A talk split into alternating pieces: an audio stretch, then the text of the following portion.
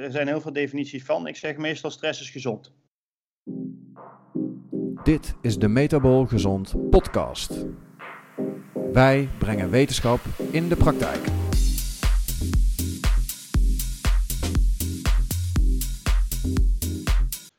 Welkom bij weer een nieuwe aflevering van de Metabol Gezond podcast, waar we wetenschap in de praktijk brengen, waarmee jij jouw gezondheid naar een hoger niveau kan tillen.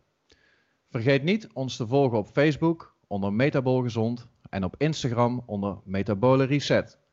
Daarnaast kun je de podcast ook terugvinden op SoundCloud onder Metabol Gezond.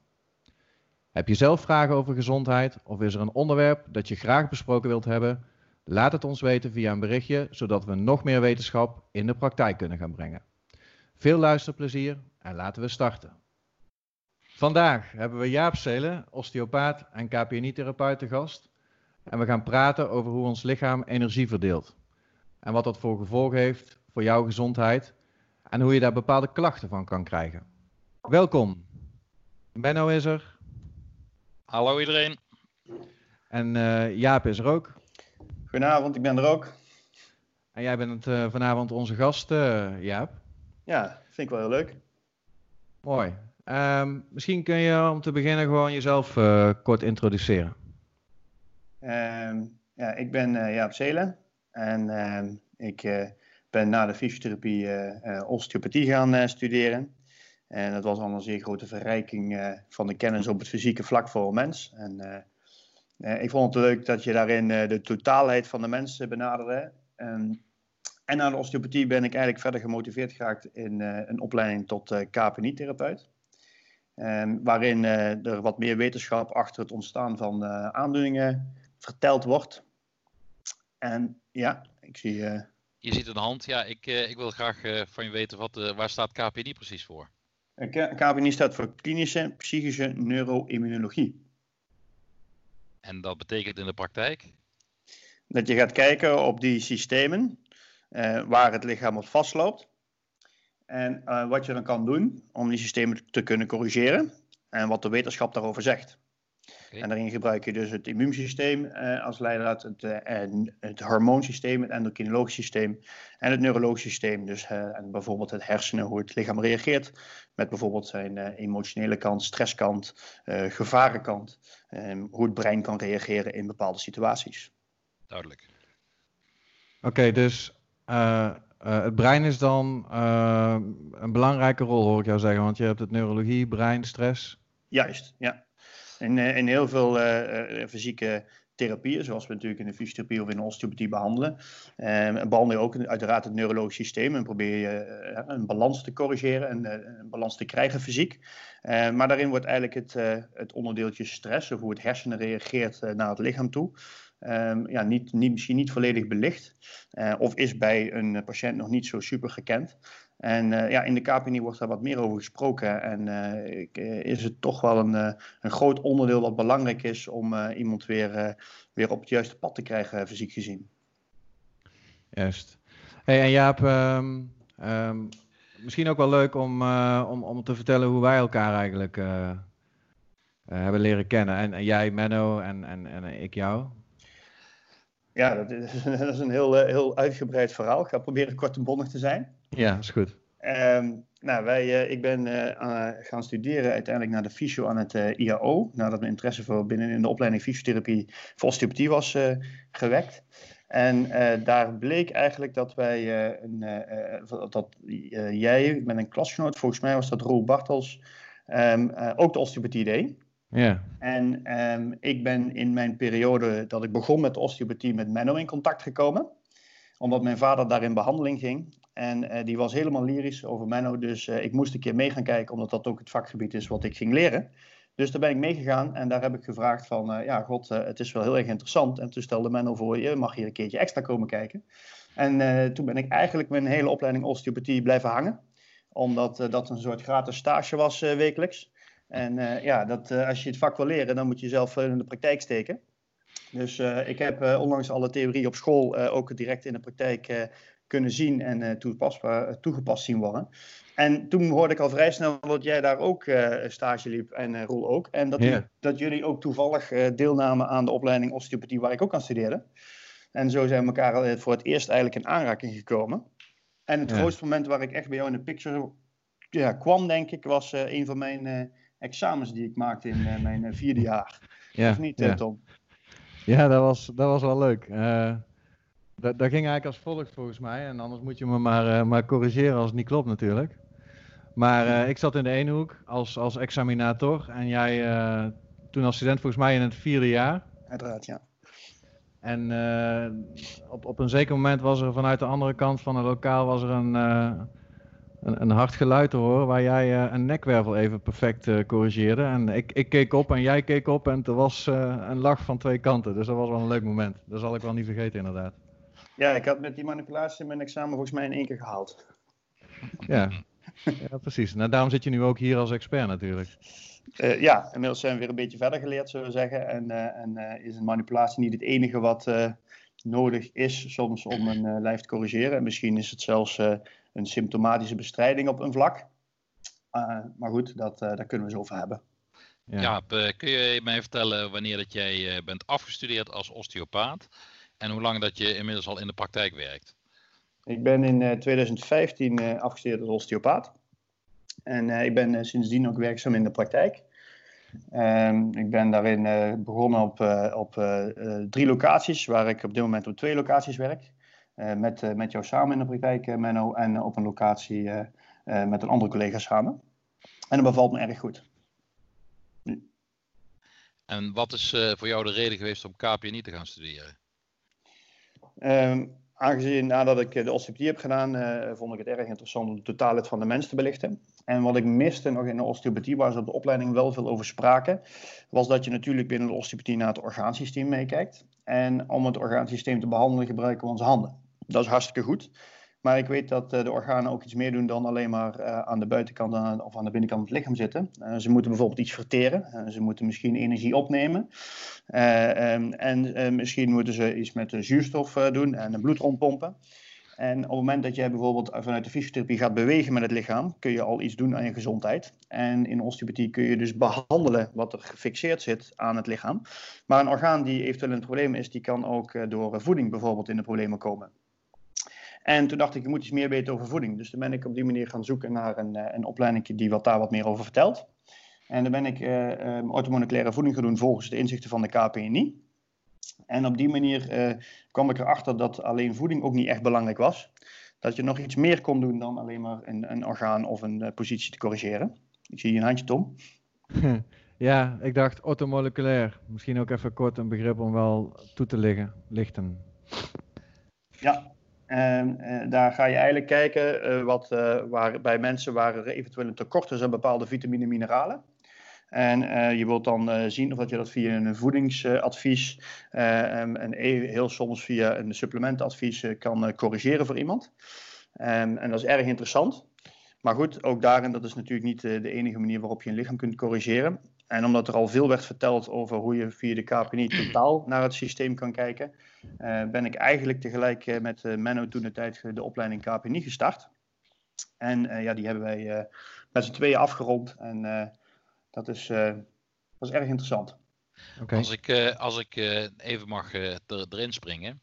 Als je praat over een eventuele voedingscorrectie die mogelijk een rol zou kunnen spelen, dan dat is een van de voorbeelden die ik altijd geef. Uh, dat, dat iedere celwandstructuur eigenlijk is opgebouwd uh, uit, uit omega-3 uh, en omega-6 vetzuren. En om ze daaruit op te bouwen, moet je natuurlijk wel omega-3 vetzuren eten. En Juist. die omega-3 vetzuren, die vind je vooral in, in vis. En over hoe vaak in de week dat je dan vis zou moeten eten, daar, daar, daar kun je over discussiëren. Um, maar ik zeg altijd, als je niet voldoende vaak vis eet, dan is het misschien handig om een supplement te nemen. Want omega-3 vetzuren zijn nu één keer vetzuren die we niet zelf kunnen aanmaken. Dat betekent ja. dat je in de opname daarvan afhankelijk bent van hetgene wat je eet. En als je niet genoeg eet, dan moet je een supplement gebruiken. Dat is ja, even als uh, voorbeeld uh, wat orthomoleculaire therapie voor mij uh, zou kunnen betekenen. Ja, inderdaad, daar, daar ben ik het mee eens. het is daarin een beetje gezegd, je bent wat je eet. Wat iedereen wel eens een keertje gehoord heeft uh, langs zien komen. Maar in dit geval uh, denk ik dat dat wel steeds meer hout gaat snijden, die term. En als je het niet kan eten of niet eet, dan kun je eventueel dat, dat, die voedingsstof aanvullen met een supplement. Ja, precies. Ja. Hey Jaap, en ehm, het onderwerp van vandaag, althans de insteek van vandaag, uh, hebben wij gekozen om, om te beginnen met uh, de term energie op tafel te leggen. Juist. En um, zou je kunnen zeggen wat volgens jou precies energie is? Uh, daar kun je heel veel ideeën op loslaten, maar gezien wij naar het lichaam kijken, is puur voor het lijf energie ATP. En dat is anonine trifosfaat, maar er zijn gelijk weer uh, flinke termen. Uh, wij eten iets en ons lichaam neemt uh, energie op. Uh, dat bestaat uit koolhydraten, vetten en eiwitten. En die worden door ons lichaam opgeslagen, omgezet. En als ze tot energie worden omgezet, gaat dat meestal opgeslagen worden of omgezet worden in de vorm van ATP. En elke cel kan deze, deze energiebron verbranden. En, en daar leeft hij van. Oké, helder. En um, hoe wordt dan eigenlijk bepaald waar de energie in het lichaam heen gaat? Want dat is ook een, een, een, dingetje waar we vandaag nog wat meer terug gaan zien. Kun je daar eens wat meer over zeggen? Ja, en daar heb je eigenlijk weer terug een stukje wat misschien mensen ook wel kennen. En misschien hebben ze het wel eens gehoord in de fysiotherapie. Als je het onderdeel niet gebruikt van je lijf, dan verlies je de functie. Dus op het moment dat je kijkt naar energieverdeling, is het ook use it or lose it. Als jij uh, jouw lichaam bijvoorbeeld met jouw spieren actief bent, dan zal de, uh, de spieren stofjes bouwen, maken, waardoor de energie naar de spier getrokken wordt. Ga je je spieren niet, niet gebruiken, dan zal je dus uh, moeilijker, wanneer je spieren wil gaan gebruiken, energie daar snel naartoe getransporteerd hebben. En ja, met andere woorden, je hebt dan een slechte conditie. Op het moment dat je bijvoorbeeld weinig cognitieve uitdaging hebt, uitdaging in het hersenen, bijvoorbeeld door Sudoku te spelen of brain trainers, dan zie je dat de energie moeilijker naar het hersenen getrokken kan worden. dus op, op normale wijze, als jij de onderdelen van je lijf afwisselend gebruikt, dan zal daar ook energie naar getransporteerd kunnen worden. Kun je dus gebruik... iets zeggen, Jaap, over de energieverdeling dan gedurende de 24 uur van een dag? Ja, Normaal wordt de energieverdeling over, uh, over drie grote systemen verdeeld als je kijkt naar uh, in de KPNI-gedachte in, uh, in, in, beelden. En dan kom je eigenlijk op de hersenen uit, het immuunsysteem en het metaboolsysteem. het metaboolsysteem, daar valt eigenlijk al, al jouw weefselstructuren in, de spijsvertering en, en, van je bewegingsapparaat, botten, spieren, etc. En als je kijkt naar de verdeling overdag, dan zijn je hersenen overdag actief en jouw metaboolsysteem, je spijsvertering en je bewegingsapparaat dat komt natuurlijk omdat wij dagdieren zijn. En uh, het immuunsysteem is dan s'nachts juist actief. Dus als deze verdeling ook uh, zo plaatsvindt, dan is er eigenlijk niet zoveel met je aan de hand. Dus het immuunsysteem is s'nachts actief en het metaboolsysteem en je hersenen zijn met name overdag actief. Oké, en, en misschien kun je, want dat is, dat is helder, hè, die drie systemen en wanneer ze actief zijn. Um, uh, hoe wordt er dan eigenlijk uh, bepaalt welk systeem. Um, nou ja, je ik heb je wel eens iets horen zeggen over dominantie. Hoe, hoe dat binnen die systemen werkt. Misschien kun je daar iets meer over vertellen, behalve over het 24 uur ritme of een, of een praktisch voorbeeld van geven, hoe dat dan in zijn werk gaat? Uh, ja, dat is eigenlijk meer als je een functie van een systeem vraagt, uh, dan zal daar dus meer de energie naartoe getrokken worden. Dus als we bijvoorbeeld overdag spreken en je zit uh, te luisteren naar een podcast, of je bent op school aan het studeren, um, of je bent aan het werk, dan zal je met name met je hersenen bezig zijn. Dus er zal de meeste energieverdeling naar je hersenen plaatsvinden.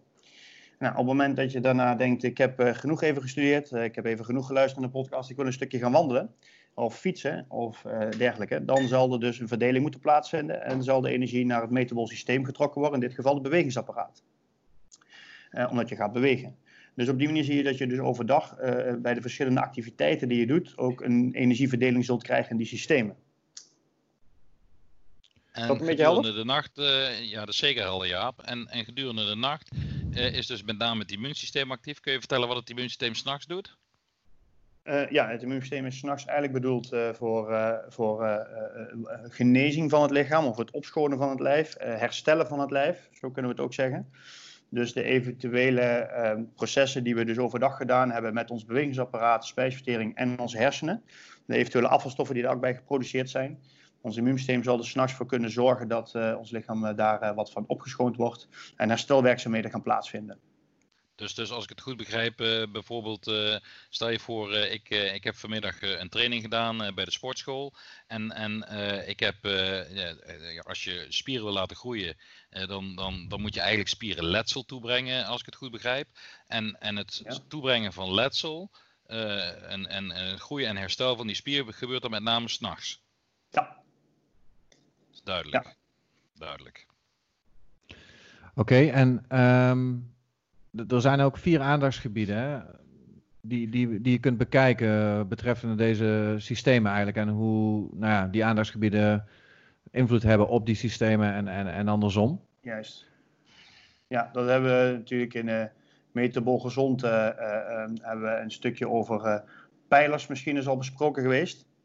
En als je naar deze drie systemen kijkt, en dan is het belangrijk eigenlijk om je aan vier ja, ritmes of, of uh, zaken te houden waarin je die drie systemen ook kunt corrigeren of gezond kan houden. En dan kom je eigenlijk op een onderdeeltje voeding uit. Je voeding moet uh, natuurlijk correct zijn qua voedingsstoffen, qua hoeveelheden, qua momenten dat je voeding tot je neemt op de dag. Want wij zijn natuurlijk dagdieren, dus we willen overdag onze spijsverteringsactief hebben, en niet midden in de nacht.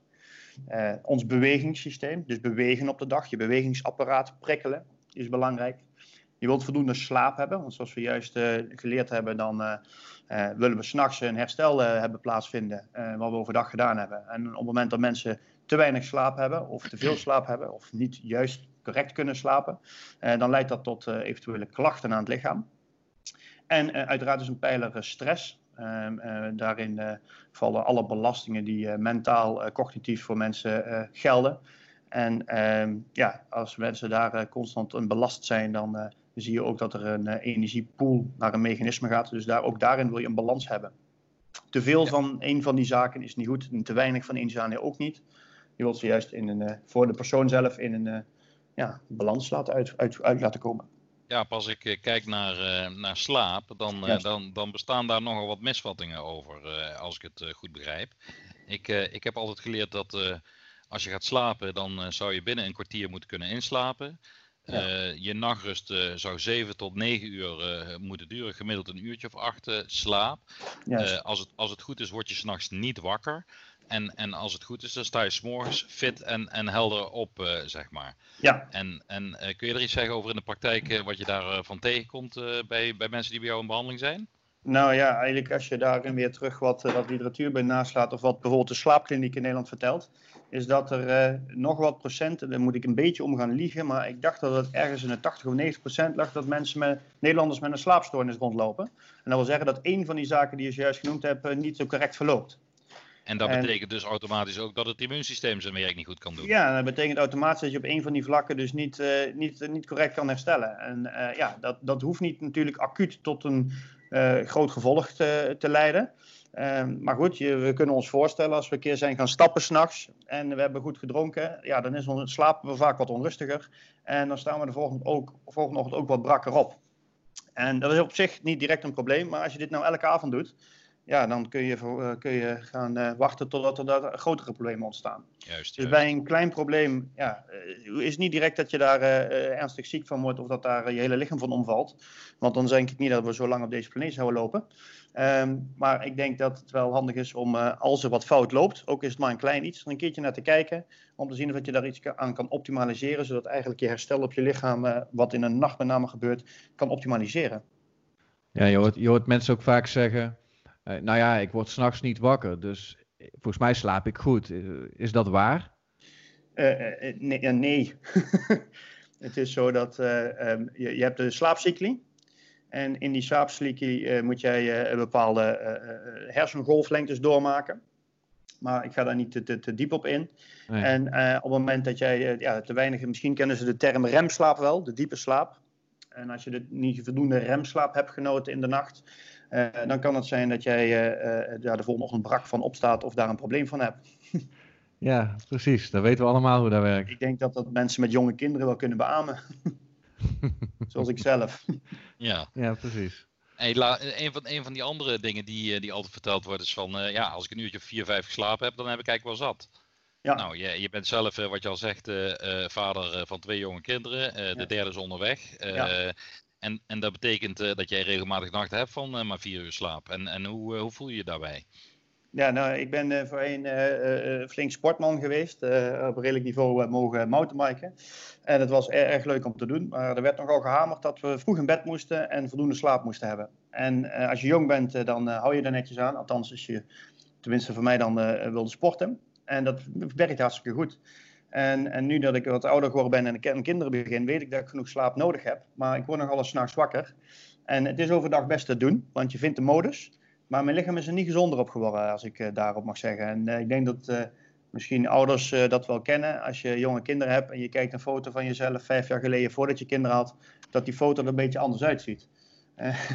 dus op zich heeft daar geen probleem, maar het, het, heeft het heeft jouw lichaam denk ik niet het beste, beste, beste jaren voor een lijf. En, en twee keer drie uur is niet hetzelfde als één keer zes, hè? Nee, het liefst wil je dan één groot slaap hebben. Ja, precies. Hey, en uh, als we dan kijken naar, uh, naar andere dingen. Ik hoor nogal eens over voeding bijvoorbeeld. Uh, dat, dat het ontbijt de belangrijkste maaltijd van de dag is voor je energievoorziening. Ja. Hoe, hoe sta je daarin? ja, daar, daar, daar, kunnen we over dus gaan discussiëren. ik ben, ben erg gekeken van naar de persoon en wat die persoon nodig heeft. Maar ik denk niet dat het ontbijt de belangrijkste maaltijd van de dag is.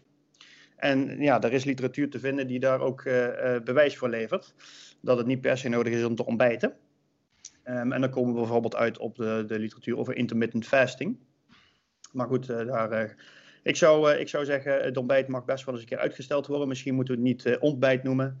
Um, of breakfast, hè, wat we in het Engels zeggen. breek het vasten. Um, laten we gewoon de eerste maaltijd van de dag beginnen. En of dat de eerste maaltijd nu om 7 uur s ochtends is of om 11 uur s ochtends, dat zou een beter, betere keuze kunnen zijn. Ja, ja, iets waar ik ook heel erg tegenaan loop in de praktijk, en jullie zullen waarschijnlijk allebei herkennen, is dat mensen vaak geadviseerd hebben gehad om, om toch zes keer per dag iets te eten. Um, en, en dat zou dan ook met het argument zijn van, nou, dan, dan, dan houden we het motortje draaiende. De stofwisseling blijft aan de, aan de gang. Um, hoe, hoe, hoe denk jij daarover? En, en, en is, is zes keer per dag eten eigenlijk is, is dat per, definitie niet goed? Of? Kijk, als ik een bodybuilder zou zijn en ik wil uh, uh, 180 kilo wegen aan spiermassa, dan is het misschien nuttig om heel veel calorieën te stapelen en daar uh, tegenover flink te sporten. En je ziet dat die mensen heel erg gaan groeien.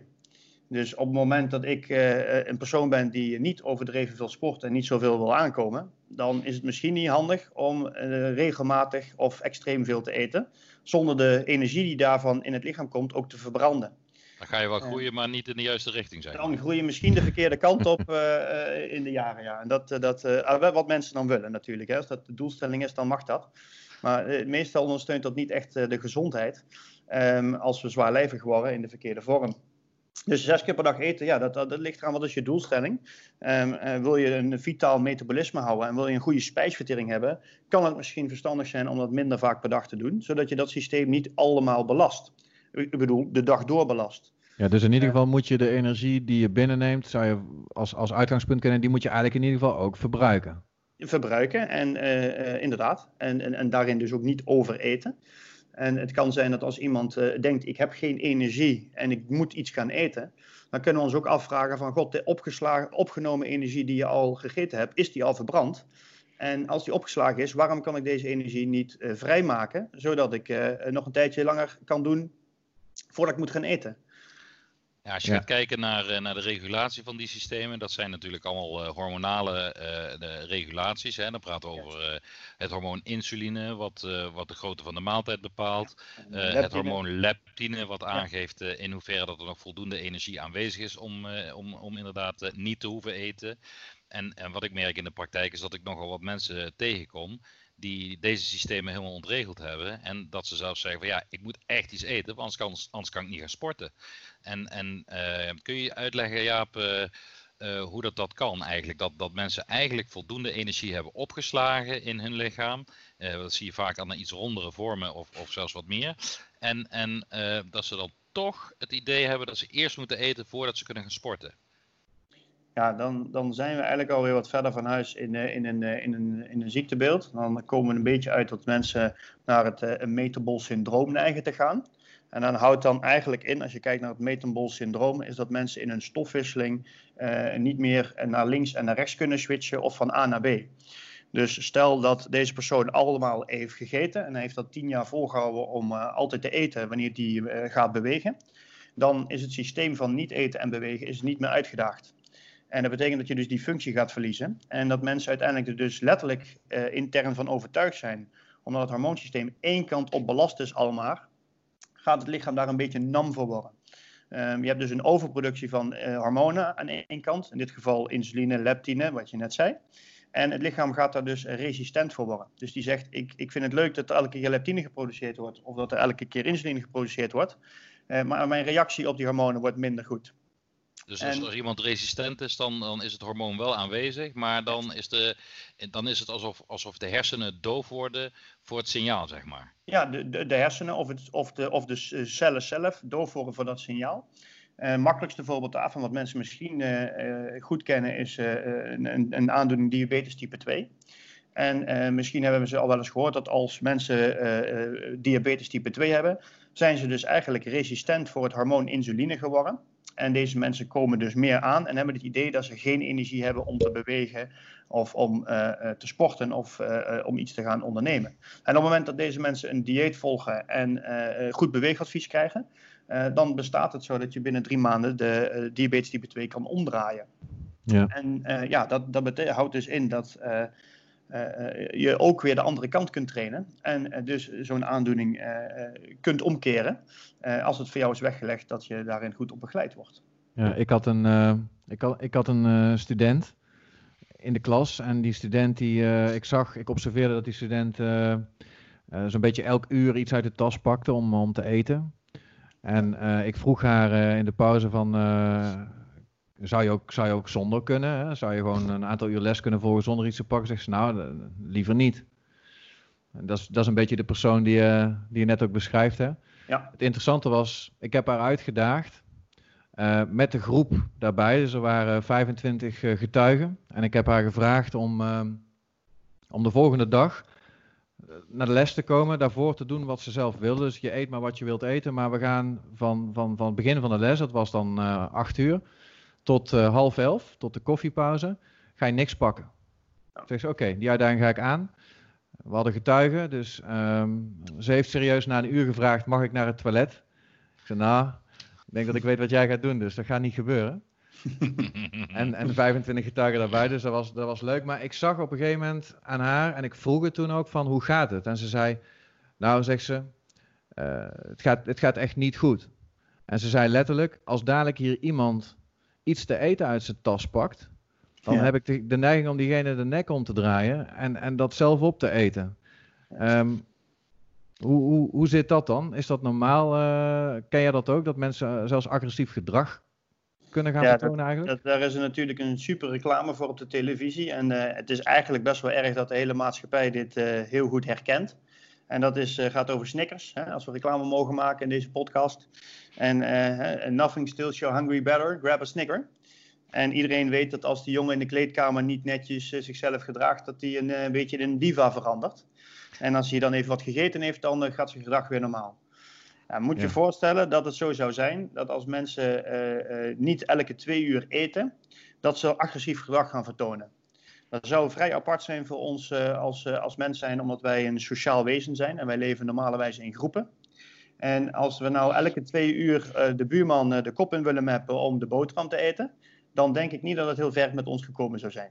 Nee, nee het grappige was ook dat deze dame vervolgens, nou ja goed, ze, ze meldde dat toen en toen hebben we gezegd van, nou ja, dat is, dat is, dat is, dat is mooi, maar we gaan natuurlijk niet, niet eten nu, we gaan het nog even volhouden. En, en ze was die, die commitment aangaan, dus dat deed ze ook.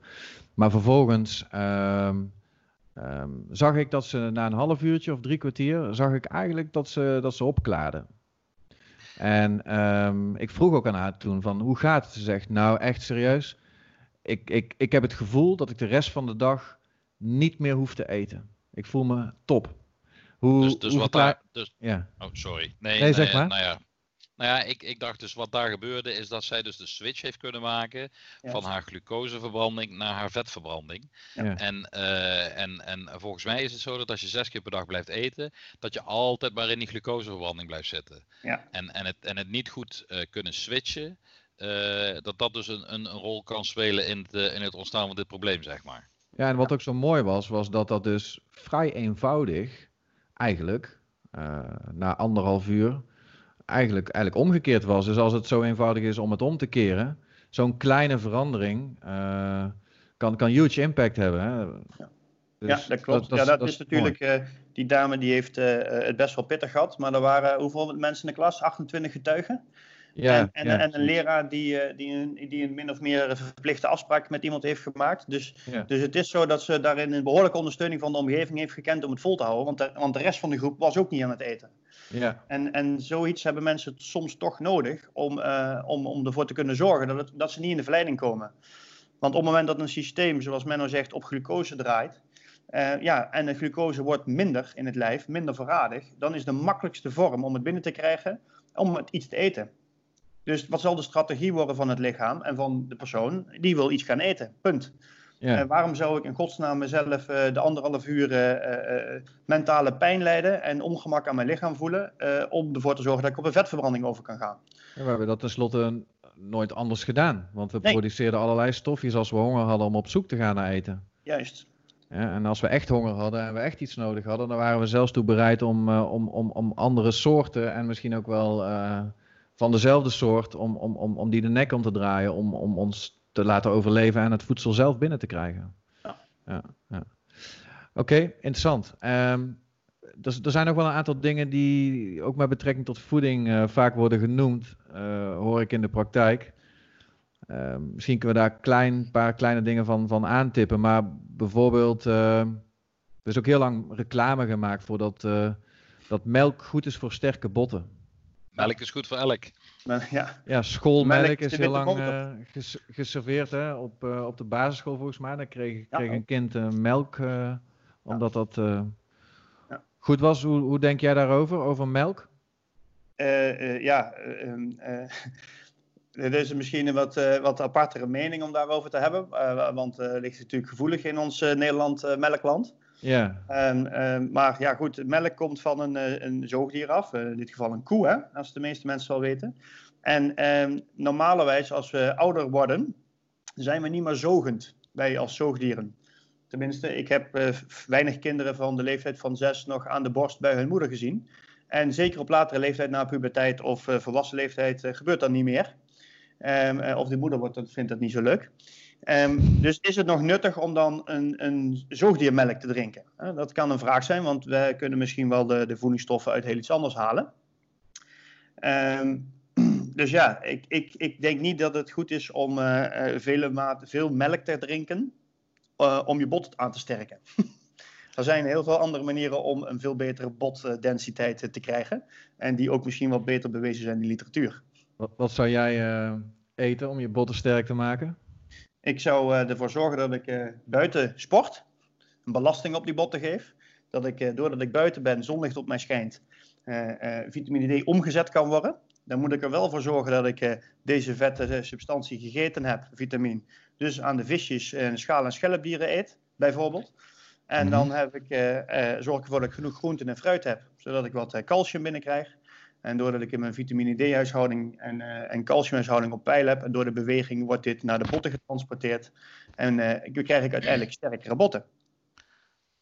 En de groenten en de, en de fruiten die zorgen ervoor dat je darmmicrobioom, dus de bacteriën in je darm, eh, vitamine K2 kunnen produceren, zodat kalk ook daadwerkelijk in het bot ingebouwd kan worden. Ja. Dus dat is nog een kleine eh, aanvulling op mijnerzijds. Ja, nee, inderdaad, heel goed.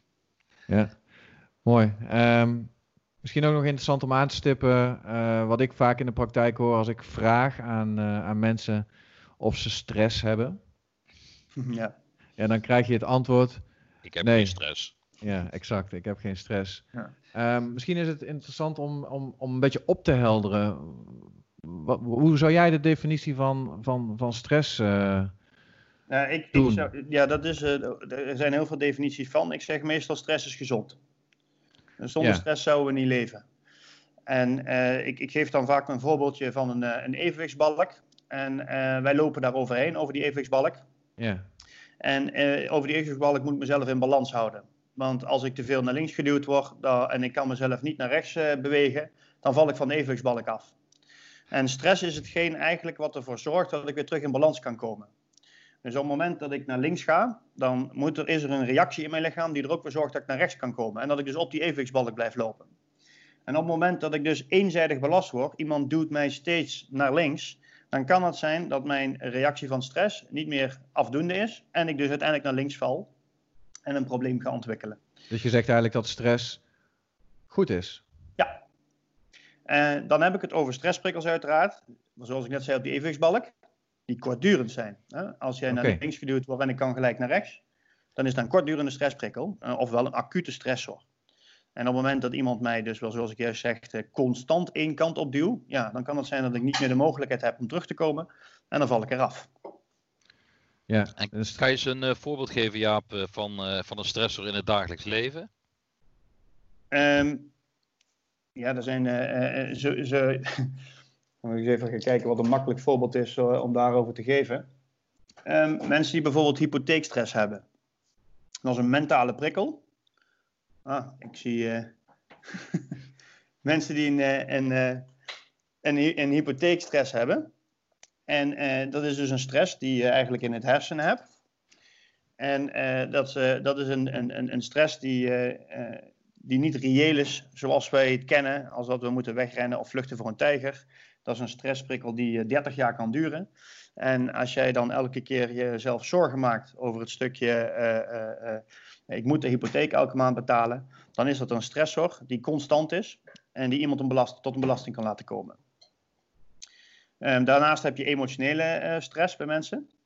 Dus dat wil zeggen als iemand een overlijden van iemand kent, of als die zich zorgen maakt om een persoon, of stressprikkels waar, die niet emotioneel opgelost worden, niet verwerkt worden, dan kan het ook een stress ervaren worden. Het makkelijkste is stress voor de hersenen als gevaar detecteren. Dus dat wil zeggen, we lopen in het bos, we horen een geluid en we gaan controleren of dat, dat een, een gevaar is waar we op moeten gaan reageren. En dat is eigenlijk een korte stressprikkel. Dus die is ook meestal direct opgelost. En als het gevaar is dreigend. Zo bijvoorbeeld als uh, in deze pandemie waar we nu zitten, waar we geen zekerheid over hebben. We weten niet wanneer het ophoudt op dit moment. We weten niet of dat het mij overkomt, uh, et cetera. Uh, dat is een gevaar wat we niet direct kunnen detecteren. En dat gevaar blijft maar voortduren. En dat is dan ook een stressprikkel voor een persoon die langdurig duurt. Oké, helder. Um, en, en, en als er dan stress is, hè, er is chronische stress, wat heeft dat dan voor impact op andere systemen? Uh, het ligt er maar net aan op welk facet natuurlijk stress valt. Maar op het moment dat er. Uh, uh, Anders neem, neem, neem een voorbeeld van, van emotionele stress. Ik denk dat veel mensen dat toch wel kennen. Wel, wel kennen. Kun je toelichten hoe dat dan specifiek op, op systemen van invloed is? Nou, stel dat iemand emotioneel in de problemen zit en emotionele stress ervaart Um, dan uh, zie je dat er dus veel energie eigenlijk getrokken wordt naar het hersenen toe, omdat die dat graag wil oplossen. Uh, tenminste, als, daar een, als de juiste strategie wordt gehanteerd. En als die stress blijft voortduren, dan blijft er energie naar één systeem getrokken worden. Dan zie je dat er een tekort aan andere, in andere systemen gaan, gaan komen aan energie, overdag. En in dit geval was overdag je metabol systeem, je spijsvertering en je bewegingsapparaat actief. En je hersenen. En als je hersenen de hele dag bezig is met emotie aan te pakken, of met emotionele stress, dan zie je dus dat er klachten kunnen gaan ontstaan bij de spijsvertering en het bewegingsapparaat. Uh, en mensen kunnen dan bijvoorbeeld uh, brandend maagzuur krijgen, een opgeblazen gevoel, prikkelbaar darm, slechtere, slechtere stoelgang, buikpijnen. Um, en we kennen zoiets bijvoorbeeld wel als, als examenstress. dat heeft, kent iedereen wel. Het lichaam geeft dus een reactie. En mijn orgaansysteem reageert daarop. We krijgen diarree, we hebben buikpijnen, we voelen ons misselijk worden. Nou, dat kan een, een, een, fysieke reactie zijn binnen de spijsvertering als er een, een andere een, een stress, stressprikkel is. Nou, als die blijft voortduren, kan dat fysieke ongemak blijven geven. En op het bewegingsapparaat zien we heel vaak dat mensen die uh, mentale of emotionele stress hebben, dat ze met spierspanning komen, met nekklachten die niet willen oplossen, spierpijnen, gewrichtspijnen. Ontstekingen aan het lichaam die niet willen oplossen. Um, rugpijn, ja, dat zijn zaken die veel voortkomen als mensen dus een, een emotionele stress vasthouden in het lichaam en daarmee te lang blijven rondwandelen. Ik heb altijd begrepen dat als, als je hersenen heel veel energie vragen, dat het dan heel lastig wordt voor spieren om te ontspannen, omdat een spier energie nodig heeft om te kunnen ontspannen. Klopt dat? Ja, ja. Als jij, dat, is, dat is op zich misschien ook wel weer leuk om te zeggen. Wanneer iemand overlijdt, dan heb je een postmortem rigiditeit. Dat wil zeggen, de, de overleden persoon wordt heel erg stijf. En het is belangrijk dat je hem tijdig in een, de positie legt, anders dan is hij niet meer te verplaatsen.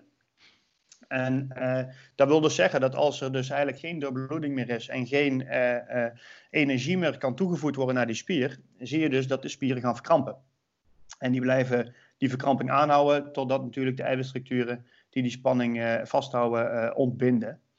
Um, en dat, dat kost een paar, een paar dagen. Dat is wel, dat is wel een mooi voorbeeld. Misschien ja. een beetje een luguber voorbeeld, zeg maar. dat kan, maar, dat maar, is wel... maar het, het, is wel duidelijk. Ja. Het is inderdaad ja. duidelijk. En, en we hebben het dan gehad over een emotionele stressor, maar um, ik denk bijvoorbeeld, uh, zeker natuurlijk in deze, in deze tijd met, uh, met de pandemie, dan, dan, dan, dan gaat het over een virus, dat noemen we dan een ziekteverwekker. Mm -hmm. um, is, is dat essentieel anders dan bij een, uh, bij een emotionele stress, wat er dan gebeurt? Um, ja, dat, dat, ligt eraan. Als je besmet bent met het virus, heb je natuurlijk dat het immuunsysteem actief gaat worden. En als je dat niet kan oplossen, dan geeft dat dus een andere energieverdeling dan als ik een emotionele stress heb. De angst dat ik het virus ga krijgen. Er zijn wel twee wezenlijke verschillen. In het ene stukje is dat uh, als ik de angst heb, dan wordt mijn uh, brein meer geprikkeld. Ja. En dan gaat de energie naar de hersenen. Dan wordt juist naar, naar de chronische variant van deze, deze emotie, uh, de, ook verwaarlozing van het immuunsysteem vindt er dan uiteindelijk plaats. En verwaarlozing van je metabol systeem, dus je spijsvertering en, en je bewegingsapparaat. Wat okay. dan op beide tot klachten kan komen. Wanneer je natuurlijk belast bent met een virus, en, en misschien is dan niet het COVID-virus, uh, ja, we kunnen dat nemen, maar misschien kennen mensen de uh, ziekte van Pfeiffer wel, of, of clear koorts, als ze ook zeggen. Is um, dat je dan een lang, langdurig immuunsysteem actief hebt, veel energie naar het immuunsysteem gaat, en dan krijg ik juist verwaarlozing van mijn hersenen. De functie daarvan, dus mensen kunnen geheugenverlies lijden, zijn minder, kunnen zich minder goed concentreren, gaan minder makkelijk dingen onthouden. Studeren wordt moeilijker. En ook daar natuurlijk verwaarlozing van het metabol systeem. Dus daar ook weer zie je dat mensen dus spierklachten kunnen krijgen, spierpijnen um, en, en verteringsklachten kunnen gaan ontwikkelen. Als je dan ja. kijkt naar, uh, naar een van de klachten die zouden kunnen ontstaan bij bijvoorbeeld een, een aandoening of een ontstekingsreactie als gevolg van, van bijvoorbeeld een virus of een bacterie, dan, dan is een van de klachten die je vaak hoort dat mensen vermoeid zijn. En is, is dat, dat die vermoeidheid het, en niet, niet vooruit kunnen komen en dergelijke, is, is dat nou een, is dat nou een, een, een symptoom van het bewegingsapparaat of is dat een hersensymptoom? Ja, dat is, dat is een hele leuke. Dat is, wordt geclassificeerd als een hersensymptoom en uh, niet een symptoom van het bewegingsapparaat. En dan wil je natuurlijk weten hoe dat in elkaar steekt. Dan ja. denk ik dat dat. Uh, dus nou ja, meestal... de, de, de, de, vraag die ik stel is natuurlijk vanwege het feit dat, eh, dat uh, een van de klachten die we heel veel tegenkomen in de praktijk is vermoeidheid. Ja. En, en heel veel mensen denken dan uh, dat ze niet genoeg energie hebben. En, en, en, en heel veel mensen denken dan dat ze te veel energie verbruiken in de zin van het bewegingsapparaat. En, en als het een hersensymptoom is, is het in feite dus niks anders als, als het tekort aan energie in die hersenen. Juist. Ja, en dan helpt het dus niet om, om, om thuis te gaan zitten, niks te doen. Nee. En dat is wel wat, wat toch vaak geadviseerd wordt in de praktijk, uh, ja. inderdaad. Ja. om een systeem gezond te krijgen is het belangrijk om te, te weten welke symptomen een bepaald systeem kan geven.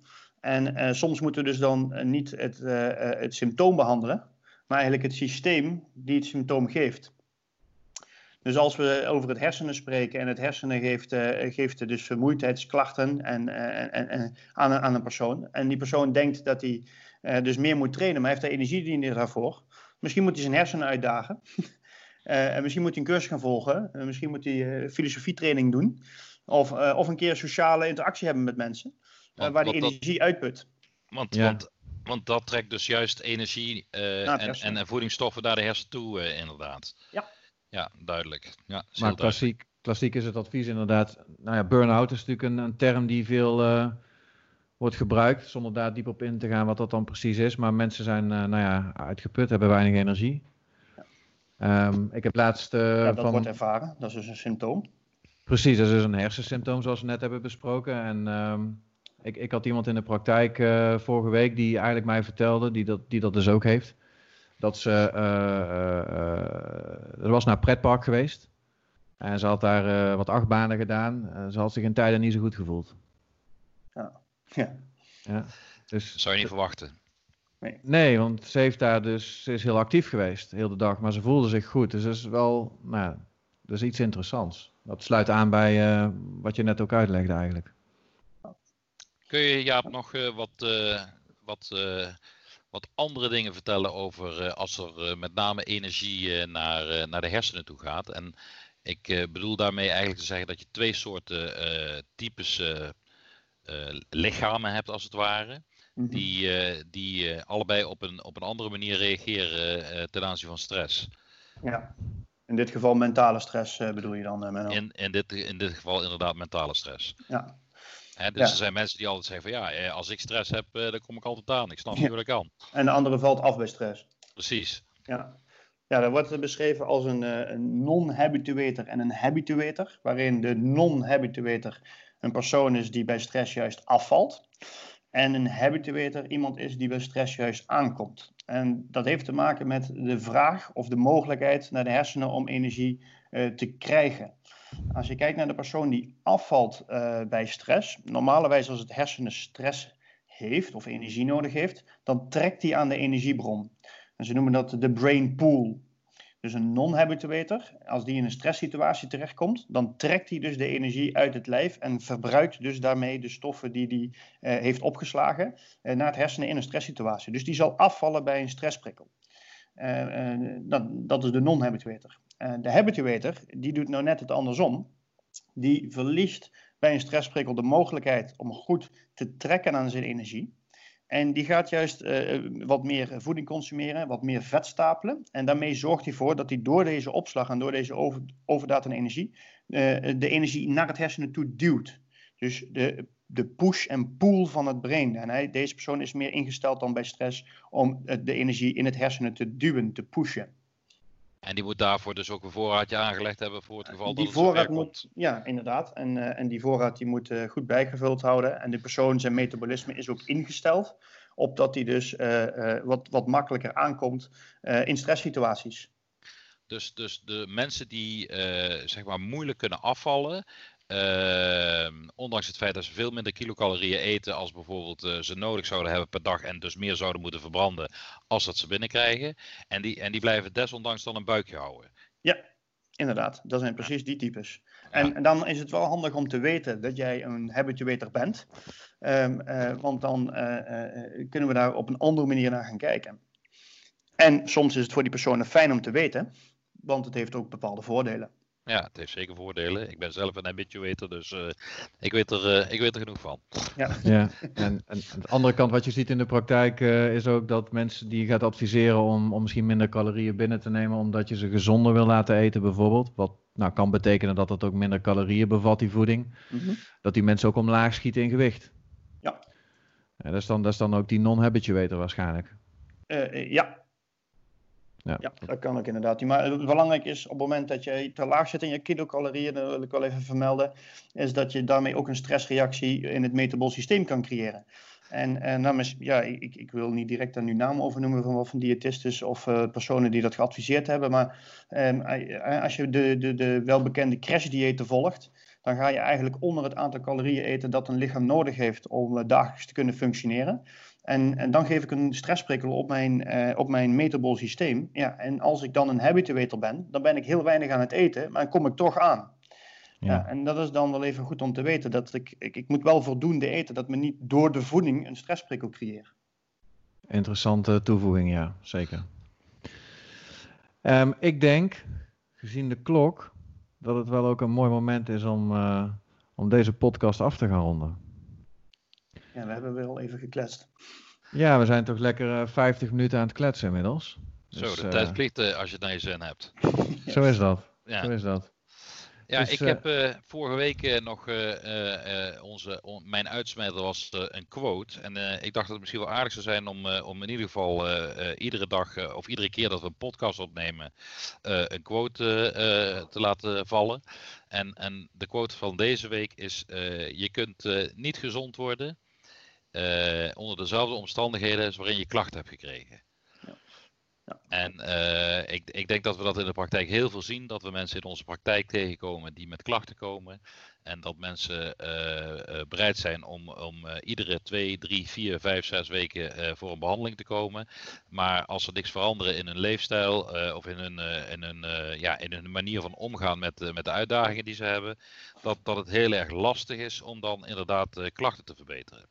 Dus wat mij betreft uh, is dat een, een, een, quote om te eindigen. Waanzin is steeds opnieuw hetzelfde doen en dan verschillende uitkomsten verwachten. Dat is een quote van Einstein, dat is niet de mijne. Maar uh, ja, ik vond het wel passend uh, bij, bij het onderwerp van vandaag. Ja, ja absoluut. Dat vind ik een hele goede quote. Ja. Oké, okay, Jaap, bedankt. Geen dank. dank. Dankjewel Jaap. Dankjewel voor de uitnodiging. En als jij het ook zo leuk vond als volgens mij wij het vonden, dit gesprek, dan, uh, dan, uh, dan moet je volgens mij nog eens een keer uh, en misschien nog wel vaker dan één keer terugkomen. Graag. Lijkt me een goed plan. Oké. Okay. Nou, ik, ik sluit deze podcast bij deze maar af en vergeet ons nogmaals niet te volgen. Facebook, Metabol Gezond. Instagram, Metabole Reset of Soundcloud. Daar kun je alle podcasts in chronisch, chronologische volgorde terugvinden. Ook onder uh, Gezond. En dan zien we jullie graag terug bij de volgende podcast. Wanneer uh, gaat die zijn, Menno? Ja, nou ja, uh, dus, we hebben het de vorige week over gehad dat de ambitie was om iedere twee weken een podcast uit te brengen. En ik denk dat we die maar eventjes moeten vasthouden. Ja, we hebben in ieder geval al een aantal leuke gasten in petto. Dat is absoluut waar. We hebben uh, uh, een van de gasten die we in de komende weken gaan krijgen is Vivianne Reis. En Vivianne is, is hormoonexpert en die heeft een hoop te vertellen over de hormoonregulatie waar we het straks al even over gehad hebben. Jij had ook nog mensen op de, in de line-up, Tom? Ja, klopt. En mijn eigen broer wil ik, heb ik ook uitgenodigd voor een podcast. Maar die heeft een, een persoonlijk verhaal wat mooi aansluit bij onze thematiek, denk ik. Nou, dat is, dat is, dat is iets om naar uit te kijken. Ja, precies. Nou, ik zou zeggen, tot over twee weekjes. En, uh, Super. Top. Tot dan. Tot ziens. Bye bye. Bye. Deze podcast werd u aangeboden door Metabol Gezond.